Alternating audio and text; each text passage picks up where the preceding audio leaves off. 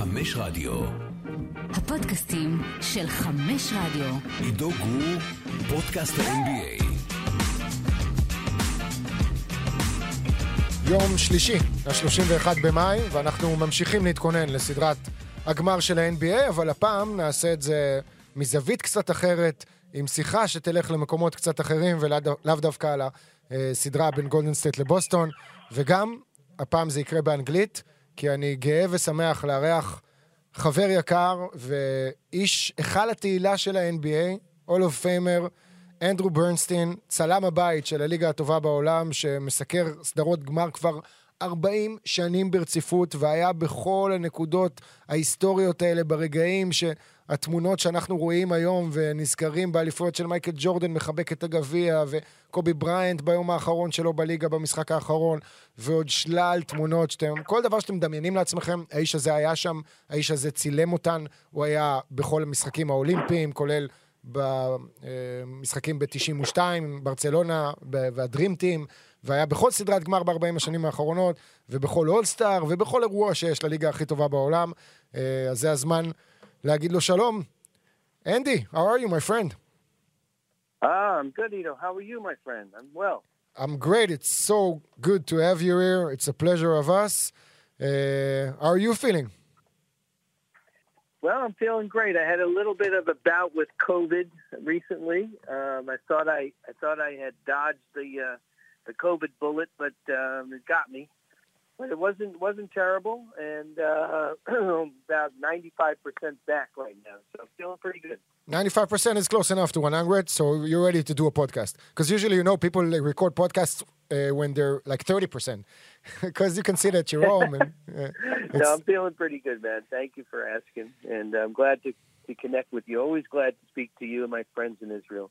Andy, 40 years of coverage of NBA Finals, and this year is the first season uh, you're not going to be there. Um, why? How are you feeling about that? Well, I got to tell you, man, um, 40 years is a pretty good good run. It's a good number. It's a nice round number. Um, I made the decision last summer that I was going to tail off um, how much I was going to be working games this coming season and moving forward, and um, discussed that with uh, the people I work with at the NBA, who are really great and understanding, and they still want me around, but they want me around as, as much as I can give them um, at the highest level. Uh, so that included um, doing less games at home in LA and very, very minimal travel during the season. I only, I think, I only did one, maybe two road trips, very short. I, I covered about five or six games during the playoffs. And uh, if the Lakers and Clippers, um, who are my home teams, um, were in the finals, I'd be covering those home games, but neither of them even made the playoffs. So, um, you know, gave me an early vacation. yeah, and at least and I'm, I'm good with it. At I'm least there's a good chance. a little bit weird to not be getting on a plane today to San Francisco like all my cohorts are doing, but that's okay. Um, I'm happy to be here talking to you. Uh, I'm I'm happy to be talking uh, to you, and uh, I'm guessing we're going to see you in finals uh, in the future. You talked about the two LA teams. Um, at least with the Clippers, there is a good feeling about next season as long as Kawhi is healthy. Same goes for Paul George. Uh, the Lakers, you know, they just appointed a new coach, Darvin Ham, and um, there are reports going out that uh, Russell Westbrook will uh, um, get the option for the next season. So he's staying, and there's a lot of question marks. Uh, so we don't know what's going to happen with this team during the summer. But with the Clippers, uh, let's say they're probably going to make at least the second round. And if Kawhi is healthy, they can make it all the way uh, back to the finals, or um, not back to the finals. They're, it, will, it will be their first time if something like that happens. But let's not uh, talk about the future. Let's talk about the past. Okay, you've been covering finals since '82, since Magic's second championship with the Lakers. Um, and I, I just want your perspective on the event of the finals, how big it is in the US, and how much did it change during these 40 years you've been covering a final series since 82 to 2022? Yeah, that's a, that's a great question because um, you know when I started with the NBA in the very early '80s, um, as you know, and a lot of, of your listeners know, that the NBA was uh, was kind of low man on the totem pole when it came to uh, sports in America. In fact, when I I think when I first started, the finals games, or I just about starting, the finals games were broadcast, but uh, on time delay on CBS. So, you know, there was a huge shift in that when um, the Showtime era started, the Bird Magic rivalry started in the early 80s. Um, David Stern became commissioner, of course, in 84. And everything kind of took off from there in terms of fan interest, the way the NBA was marketed. Of course, you had two mega stars in, in the, you know, the two premier markets in the country, which was, you know, fortuitous and a, and a gift that uh, nobody really foresaw that happening. And then, of course, you know, Michael Jordan came onto the scene, and and by uh, '91 he was starting to win championships. So, you know, things have changed so much that the NBA Finals now has become, I would say, the premier sporting event um, as, as a final series. I mean, the World Series is still big in baseball, of course. The Super Bowl, I don't think anything will ever surpass the Super Bowl, but that's one game. Um, but as a series, I think uh, I think it's fair to say that the NBA Finals really has kind of catapulted to number one. You know, in terms of that uh, lengthy seven-game, almost three-week-long period. Yeah, it feels like it. Also in Israel, even though you know we don't watch baseball, not that much, and basketball is the second biggest sport here in Israel after uh, soccer. Football, we still we still call it football in Europe. Um, now right. you you've been to 212 final games and seven total seven game series. I'm going to ask you a tough question, um, and you probably can answer with one. Uh, um, with one moment, but what is the greatest moment from the 212 games you've covered as a photographer of the NBA Finals? Ooh, well, that's a great question. Yes, I, I have seven game seven series, which is pretty amazing.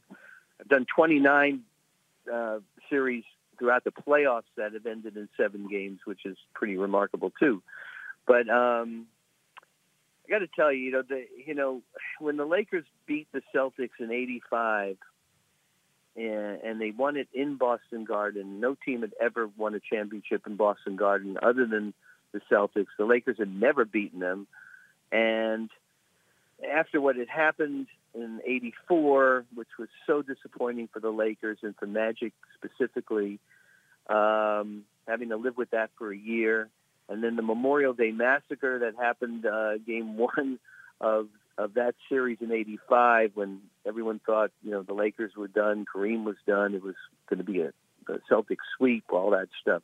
It just that was such a dramatic series for all of the reasons that I just stated, but also it was it was really kind of quite honestly my coming out party as a photographer um, you know, I had my first cover of Sports Illustrated from that series. Uh, I was, I really had, had sort of moved up the, the ladder um, in terms of being an accomplished sports photographer by that point. Was still very working very hard to get to the next level and the next level, but you know my relationship with the NBA was by that point like two two to three years old, and you know, is really starting to kind of cement myself as part of as part of like the family, the NBA family. So I'd have to kind of point to that, quite honestly. A very close second to the '85 championship. I, I honestly have to I have to say it's got to be the 2010 uh, Lakers championship when the Lakers beat the Celtics. Really, because that was Kobe's. He, he just would never rest until he beat the Celtics and avenged that 2008 loss that they had. And that was amazing. That was amazing to be there, be part of it, to know what it meant to him. And, uh, you know, there's been other moments, of course, Michael Jordan's first championship in 91 and, and, you know, all the Spurs championships and what have you. But, man, I got to tell you that 85 championship, uh, I think has to stand alone at the top. So the 85 uh, championship, as you mentioned, uh, was the Lakers winning uh, an away game that uh, clinched the title for them uh, in Boston Garden. And basically, you already you also talked about 2008 and 2010. Uh, we're talking about three different generations of Celtic teams. Now, in the 80s, uh, they made it back to the finals at 87, and they didn't come back to the NBA finals until 2008 when they won the uh, title with the big three of Kevin Garnett, Paul Pierce, uh, and Ray Allen, obviously, that afterwards moved to Miami and changed the, uh, let's say, the power rankings in the Eastern Conference. But now, 12 years after the last Celtics finals appearance, and you know the Celtics very, very well, especially as an opponent, you know, as you said, you're the uh, home photographer of the Lakers. What are the differences between this team of Jayson Tatum and Jaylen Brown and the 2010, the 20, uh, the 2008 and uh, 2010 teams uh, in terms of you know both teams have like big threes. You can say Marcus Smart or maybe Al Horford uh, can join Tatum and Jaylen Brown, uh, but uh, for me, it feels like looking back at the 80s, this team is much more similar to the 80s team than the big three that were all players that came from other teams except for Paul Pierce, obviously. And here we've got uh, kind of a homegrown team, uh, pretty similar to what happened in the 80s with Bird and McHale and uh, a bunch of other players. Yeah, that's that's very true. I mean, I think both eras of teams, if you look at the 80s Celtics with the big three and then the team that won in 2008, and then even this this this generation of Celtics, you know, there's there's the core of the of the three really really good players, and then the rest of the players are really role players. Um, you know, we can go back to the '80s and we look at you know Greg Kite and Cedric Maxwell and and Danny Ainge and those guys, but when you think of the Celtics of the '80s, you're really thinking of the big three: McHale, um, Parish, and Bird, right? And then fast forward to 2008, you got Ray Allen, Pierce, and Garnett. And now, you know, the, the three guys, Tatum. Um, who am I missing here? Uh, Tatum, Jaylen Brown. and uh, Brown and Marcus Smart. So very similar. It's interesting the parallels because I hadn't thought of it that way till you brought it up. But it's very, very similar. You know, it's a little bit like you can't really win an NBA championship without at least two guys that are, you know, one two. Um, can't really think of a maybe maybe maybe if you go back to the Pistons, um, where it's more of a team effort. But of course, you had Isiah as kind of leading the pack. But you know, Shaq and Kobe, of course. Um, and then you know you fast forward to Duncan and and Ginobili and, and Parker and Hakeem and his group, and um, you have to have that superstar and like a one one A superstar, you know, combo. And now, you know, we're seeing three guys. Of course, you know, with with the Heat, you know, we had LeBron and and Chris Bosh and D Wade. So I think that's kind of the wave of the future. I mean, look at look at um, you know look at the Warriors. You know when they won, and you know you had Steph and Klay, and you had Steph, Klay, and Durant, and Draymond is always part of that conversation.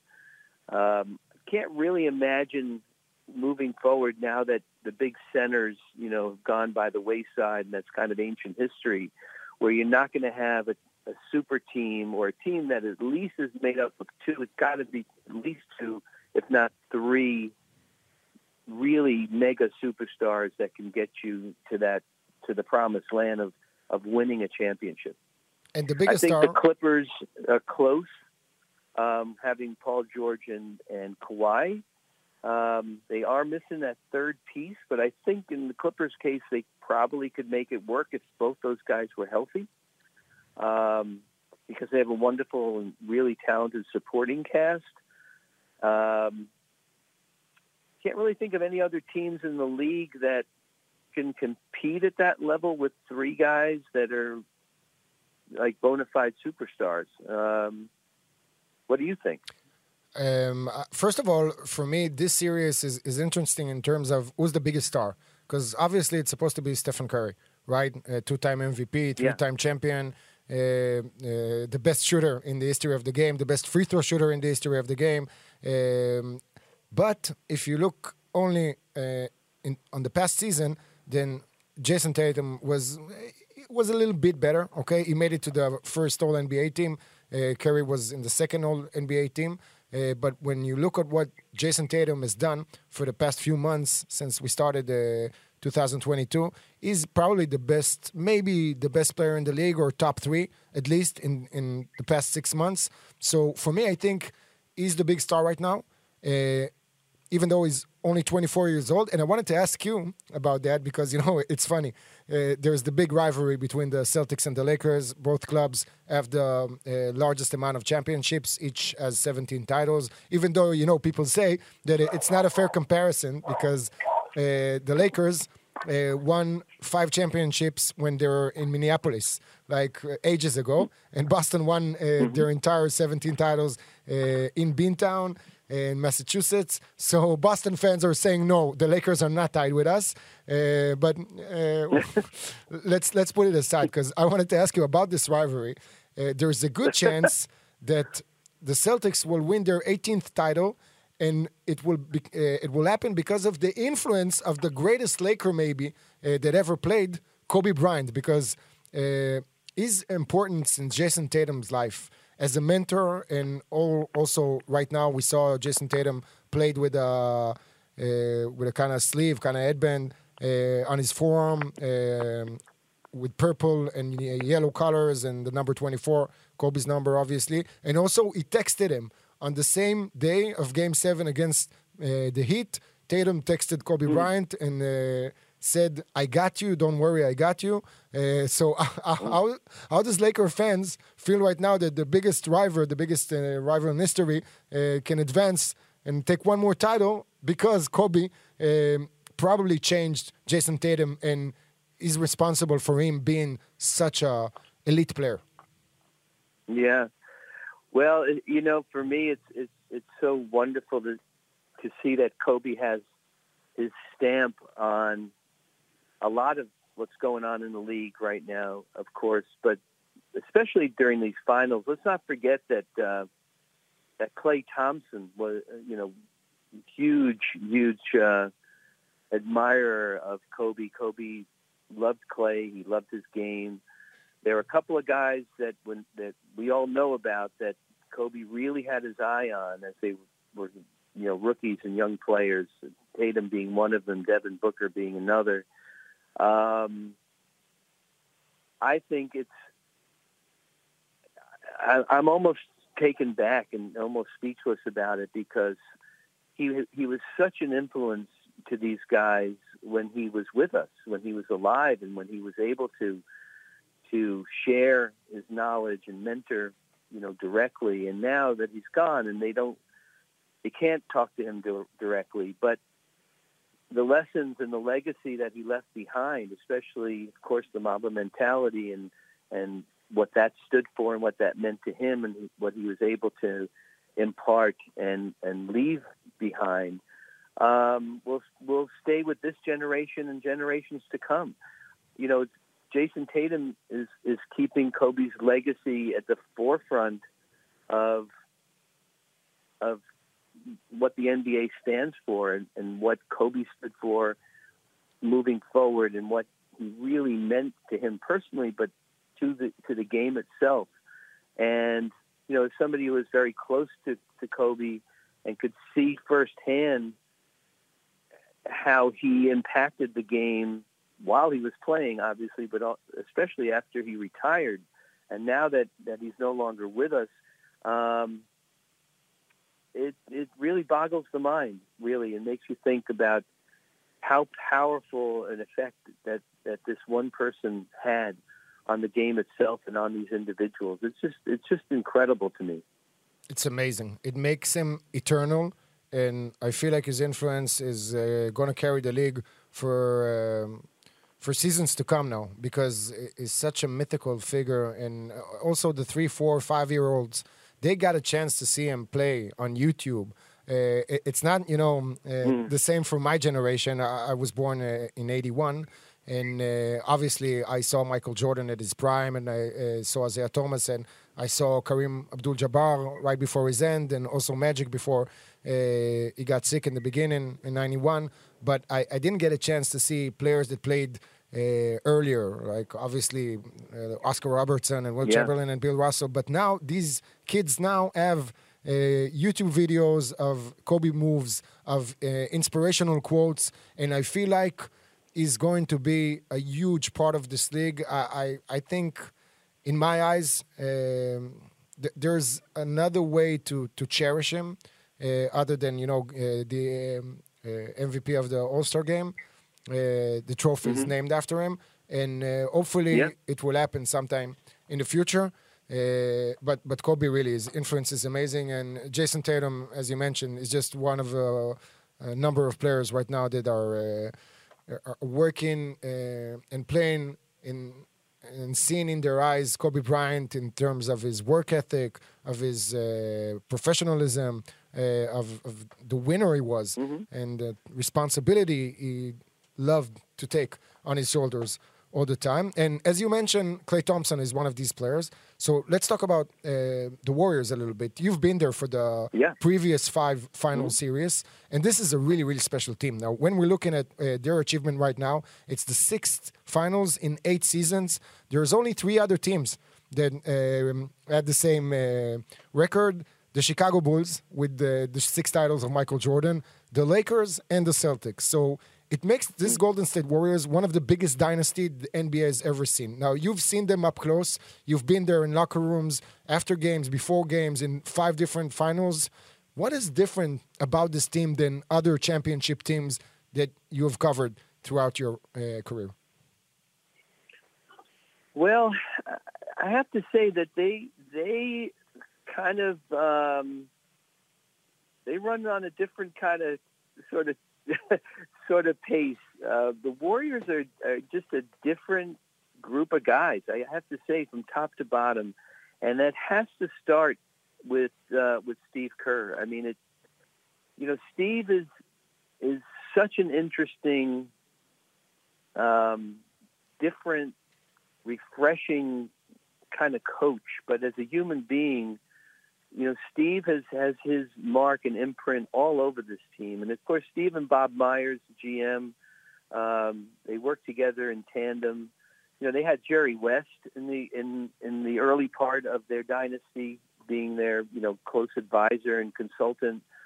And of course, what Jerry brought to the table and his cachet, not only his his history, but his competitiveness and his his sort of relentless, almost Mamba mentality like um, legacy that he could bring to to the team. Um, but Steve Kerr really, and you know, coaches sometimes they they get too much credit, and sometimes they don't get enough credit, in my opinion. You know, Steve kind of flies a little bit under the radar, a little bit like Gregg Popovich, you know, who was his mentor, of course, one of his mentors as a coach. Um, you know, Steve isn't out there. He's not. Not a Pat Riley. He's not a Phil Jackson. Um, he doesn't make it too much about him. You know, not that those guys did, but they. You know, when you think of Showtime, you have to put Pat Riley in the conversation. When you think of Bulls and Lakers dynasties, you know, Phil obviously is part of that. Most people are not thinking about Steve Kerr when they're talking about a Warriors dynasty. You know, he's in the conversation, but he's not like at the head of the class. Is what, is what I'm trying to say. You know. Yeah, I understand. Um, so that's really, you know, my long-winded explanation. Um, they have some characters on that team. You know, Draymond is a different kind of guy. We haven't really ever seen a guy as talented as Draymond, as as passionate, as demonstrative. Uh, he's a he's a true leader.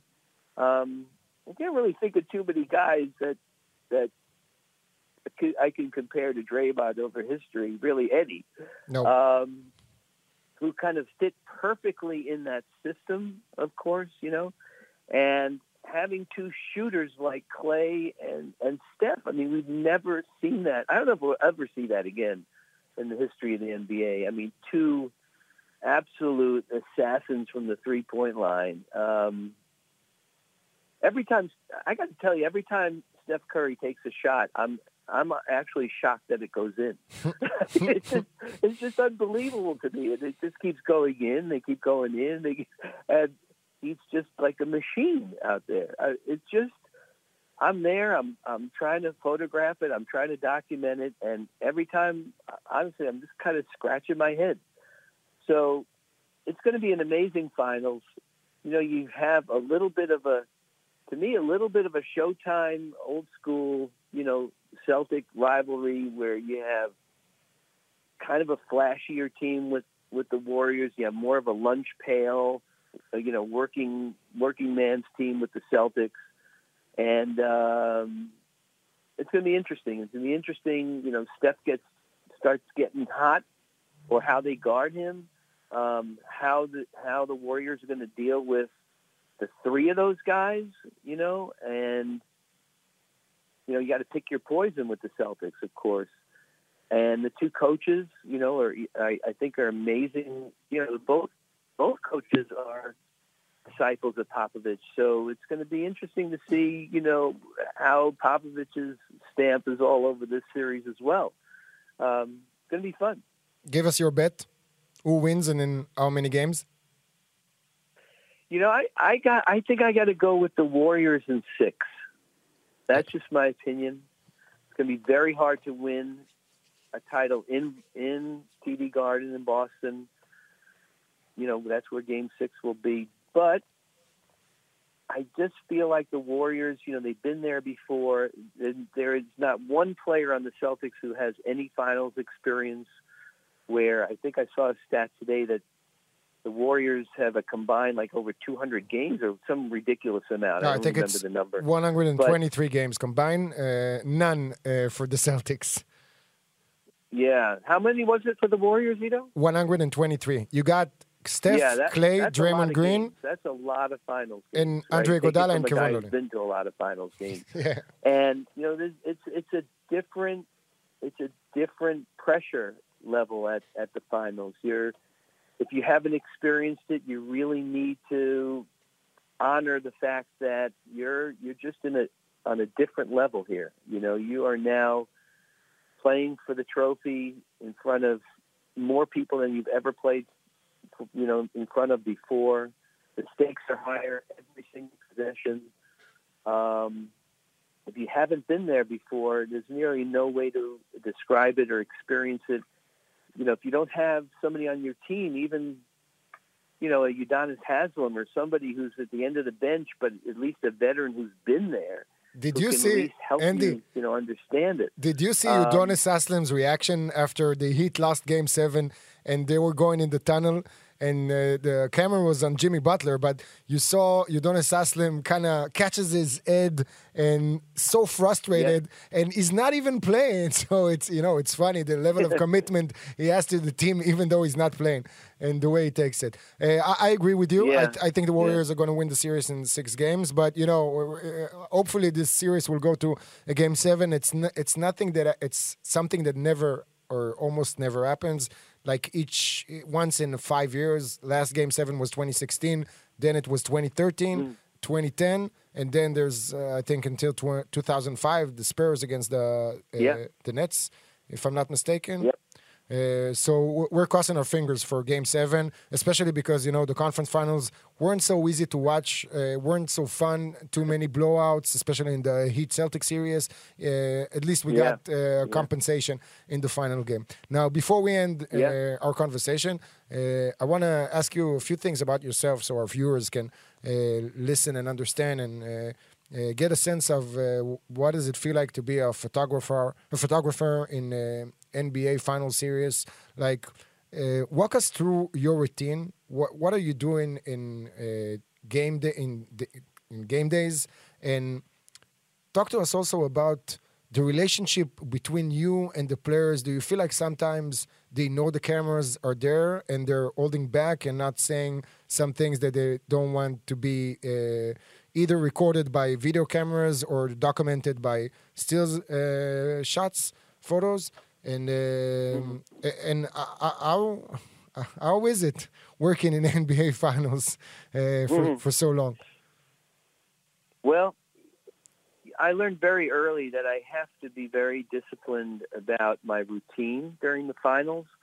Um, you know, as younger, you know, I thought, oh, okay, well, you know, I can go out on off nights, or I could, you know, whatever. You know, back in the day, we we would go to like a, a Red Sox game if we were in Boston, or a Cubs game if we were in Chicago. I I learned a few years in that I just have to be very very disciplined. I have to get my rest. My game day routines are are the same every single game. You know, I what time I wake up, what time I have breakfast, what time I have lunch, what time I leave for the arena. I even I mean it sounds crazy, but I even have a routine of how I lay out my clothes that I'm going to wear for the game, which is the same every game. Um, you know, I have a, uh, a I've had wonderful assistants over the years who really not only understand the job at hand, but they understand how to work with me. You know, because I t- tend to be sort of demanding and very precise, and and it's it's very very high pressure, high stakes. I mean, this is the highest level of sports photography. You know, when you get to a, a championship round, you know, be it a World Series or a Super Bowl, Stanley Cup Finals, NBA Finals, and I feel a tremendous honor to be in that position, to have earned that position, but I also feel a lot of pressure to produce and to be locked in and not miss anything. And, you know, back in the earlier days and probably the first two thirds of my career photographing the NBA, you know, I had pretty much unlimited access, especially with the Lakers. And that was a, a big part of what I did. You know, as you know, you know, the book I did with Phil Jackson, the book I did with Kobe, Yeah, yeah. much of those We're going to talk were- about the book. Uh, were shot behind the scenes, and you know that's something I really love to do.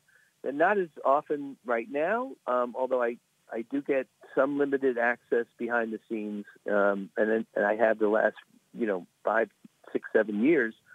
Um, but the, to answer the second part of your question, you know, I've become sort of part of the furniture. You know, I've become part of the room with these players, and, and there's a lot of trust that's been built up over decades of being, you know, the senior guy for the NBA.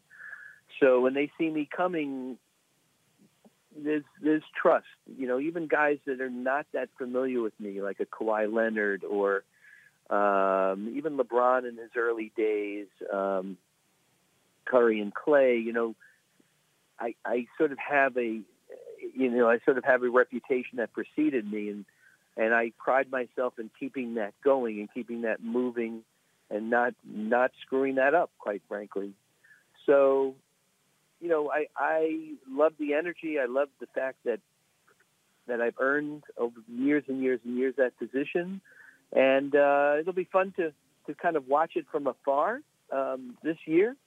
Uh, that's, I am not done by any way, shape, or form. I've not retired. Um, it just this year it just sort of didn't pan out the way that I think I had hoped at the beginning of the year.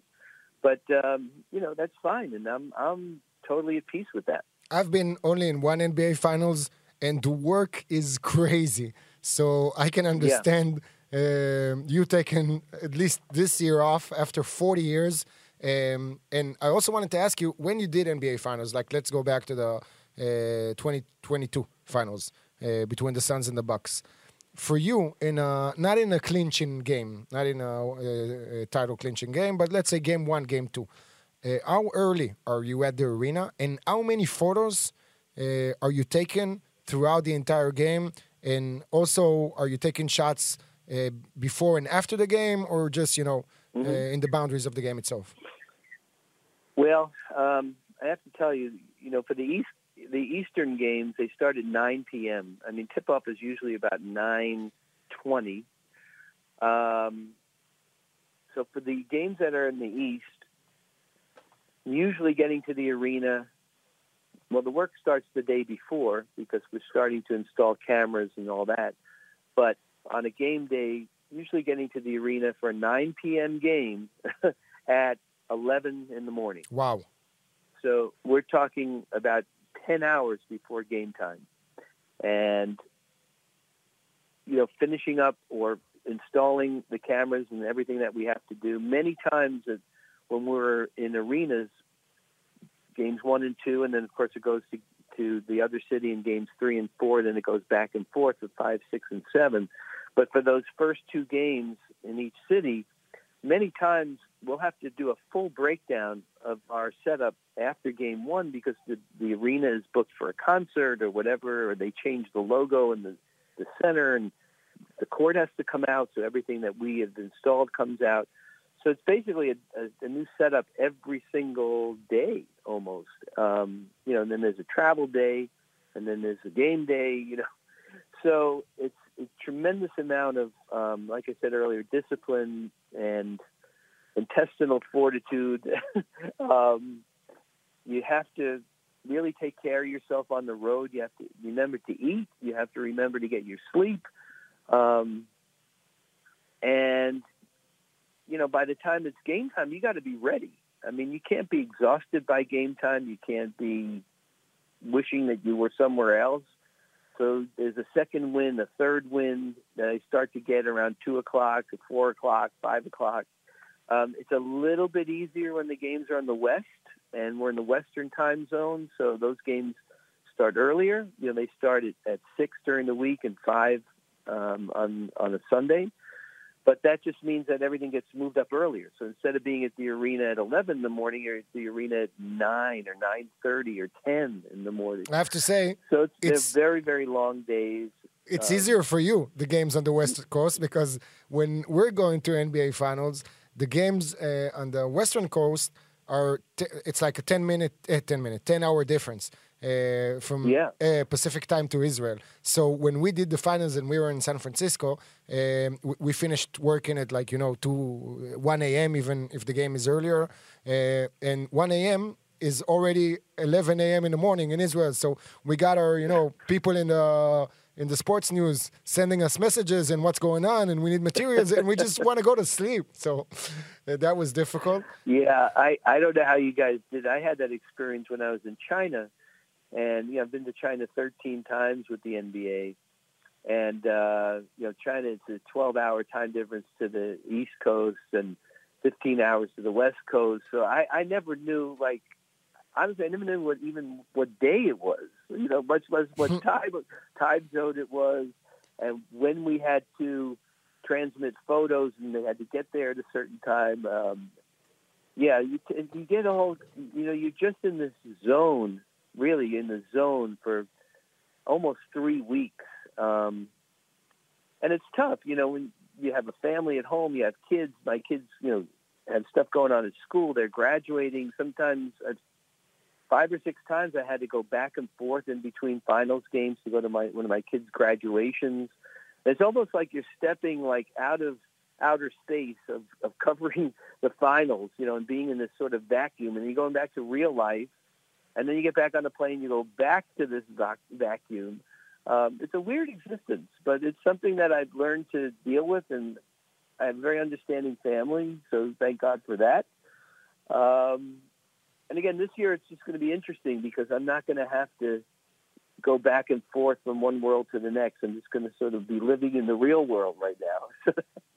I'm looking forward to that. Yeah, yeah, it's fun. The real world is fun. Uh, I, know, I, I know it uh, really close because we're in Israel, and even though we're doing games, uh, you know, I'm calling games some of them in the final series. Uh, it's still Yeah. uh, way, way different than going to games um, and and covering it from the arena itself. Finally, Andy, Right. before uh, we end this uh, conversation, um, I wanted to talk to you about uh, the book Mamba Mentality, uh, yours and Kobe Bryant's. Uh, it was published uh, almost three and a half years ago, almost four years ago, right at the end of 2018. Right. Uh, so, tell our viewers what's the book all about and how can they purchase it. Well, the book came about because um, when Kobe announced his retirement uh, early in that 2017-2018 season, I realized there was so much material on him that I hadn't been published, and he and I talked about that. And he was understanding the fact that I wanted to put a book out of sort of my chronicling or documenting his his career, but he had a different vision, and that vision became the Mamba Mentality book because he wanted to share his his direct uh, interpretation of what the Mamba mentality meant to him, what being the Black Mamba meant to him from his own words. So we decided that was going to be the book. Um, he and I did. We were very closely collaborating on this book uh, for a number of months. And when the book came out in uh, October of 2018, um, it was it was you know immediately was very successful in the states. Uh, became the number one sports biography on the New York Times bestseller list, and number one on Amazon for the, the holidays and all that. And uh, you know, I was extremely grateful to him for allowing me to collaborate with him, for trusting me and my work to sort of tell his story. Um, and of course, when we lost him, and you know, so shockingly and suddenly, the book had already been published in various countries um, in foreign languages, in Spain, in Italy, in Japan, in China. But then other countries started publishing it. So now I think it's, I believe it's almost in 30 countries in 30 different languages, which is truly remarkable. It's still on the New York Times bestseller list. And I need to come to Israel. You know that. We've been talking about that. I would love to do a Mamba Mentality event, a book signing. We're going to make it happen. We're going to make it happen. Um, you can get it on Amazon. You know, um, Kobe fans, NBA fans in Israel can get it on Amazon. Uh, it's probably the easiest place to get it. I'm working on it. And, I'm working uh, on it because you and I will be talking about this in person in Israel, and we'll be doing a book signing there. So let's make that happen. Yeah, I'm, I'm working on it, and uh, let's let's hope we can do it uh, sometime January. If you would be able to come to Israel, um, Sure, yeah. on the um, Yeah. uh, on the Yep, anniversary I, day I would of. totally uh, be able to do that, my friend. And I, I just want to speak about one one other thing, you know, in, in, as a follow up to the book that uh, that my Legends of Sport company, you know, the platform that that I host the Legends of Sport podcast, and fans can check that out, of course, on any podcast network, and also at Legends of Sport on Instagram. We are partnering with Vanessa Bryant, with Kobe's widow, on a book, a forthcoming book that will document the murals throughout the world of, of Kobe and Gigi that have, that have been all over the world. Right, right now, there's about 650 murals that we're aware of. there are some in Israel and also. I'm sure there's murals in Israel that Yep. we'll need to document as well. So, you know, more about that later on when you and I talk, uh, you know, down the road. But I just want people to have that on their radar screen that that's coming up. And guys, go check out Legends of Sports podcast. You can find it in Apple or at Spotify. And uh, this is a different podcast than the ones you're uh, hearing usually. You know that uh, sum up the this week or this past few days in the NBA. Uh, for me, I loved uh, listening to you know people from the Lakers from the '80s. Now we're watching. Everyone is watching the Lakers winning team, the HBO series, and you just had Claire Rothman uh, on your podcast like. Uh, a few Right. weeks ago with so many interesting stories. So you get to know the, the, the real person behind the character that we see on TV. Claire Rothman in the series and in real life was uh, Dr. Jerry Buss's. Uh, uh, I, I can't call her an assistant because she was uh, like uh, in the beginning she was an assistant, but then she grew and she became uh, much much bigger, and uh, she was the CEO, right? Yeah, she was the, the president and general manager of the forum. She was the first woman to hold that position of a major sports and entertainment venue in the United States.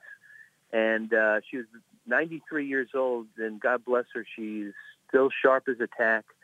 She was very helpful to me uh, at the beginning of my career. She stayed a great friend, very outspoken about this this winning time series, and she wanted to talk about that but uh, the conversation really was mostly about what she accomplished, what it was like during the Showtime era, um, from her perspective, first person. So, if you want to hear a really fun conversation, definitely listen and or tune into that When We also have a YouTube channel where we we publish the video version of these conversations on my podcast. So hopefully people will check that out. And we have some really great ones coming up. This week, for example, Doris Burke, we're re, uh, republishing a, a classic love episode of an Doris interview Burke. I did with Doris. We really love And Doris Doris and I um, were um, honored by the Naismith Hall of Fame the same year in 2018 with the Gowdy Award. So she's a great friend, um, a wonderful trailblazer uh,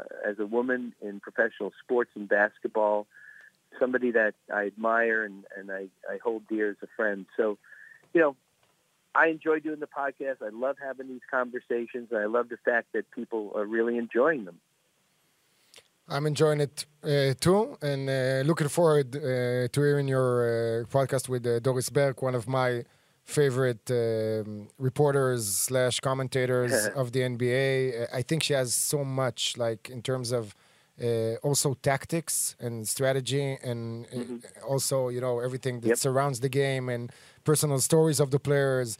And uh, I had a chance to meet her a few times, and she was the nicest person I've ever met. Really, she was amazing. Yeah, she she's amazingly humble, sweet, and like you said, so knowledgeable. Um, it's just she's amazing, we incredible have- person. We have our own Doris Burke. Her name is Maya Ronen. Maybe when you come here to Israel, uh, you will you you guys will meet and uh, you will see what I'm talking about. Andy Bernstein, thank Yeah. you so much for this conversation. Uh, looking forward for the NBA Finals, and uh, we'll talk later on. I'm, I'm working on it. We'll make it happen. We'll translate Mamba mentality to Hebrew also, and you'll come here Yeah. uh, as soon as possible to sign some books. Uh, so there's a lot to look forward for in the um, future. Uh, enjoy your time watching the NBA Finals from your couch. Uh, we talked about it. I told you it, it can be even more fun sometimes uh, than working Well, on the thank finals. you, know, and, and you're such a great friend, and I have, I have such a close affinity to the NBA fans in Israel. Um, had such a wonderful time there a few years ago, and I know how beloved uh, basketball, NBA basketball is, but basketball in general is in Israel. And uh, I can't wait to be there. So I'll, I'll, I'll be there soon. I promise. You and I will will make that connection. Absolutely. I promise also, man. We'll make it happen. Andy, thank you so Okay, much. buddy. Have a good one. We'll talk soon. Bye bye. Okay, you take care. Thanks for calling. You Bye. too. ביי. זהו זה, נפרדים מאנדי ברנסטיין, אה, לא אתרגם עכשיו שיחה שלמה ולא תרגמתי אותה באמצע. איש מרתק אבל, אה, שאולי נתקלתם בו בתוכניות שלנו בעבר, אה, מגרש פתוח או דברים דומים כאלה. אה, תקשיבו לפודקאסט שלו, אה, ותקנו גם את הספר, אחלה ספר, ממורביליה אדירה, למרות שאולי אולי כדאי שתחכו, כשהוא יגיע לארץ עם חתימה שלו, זה שווה קצת יותר. אה, באמת אגדה, אנדי ברנסטיין, איש היכל התהילה. זהו זה, אנחנו מסיימים, תודה רבה לאביב דרורי, שהפיק את הפודקאסט הזה, איש רב פעלים, דרורי, כדאי שתתחילו להכיר אותו. עידו גור, מאחל לכם המשך האזנה נעימה. ביי ביי.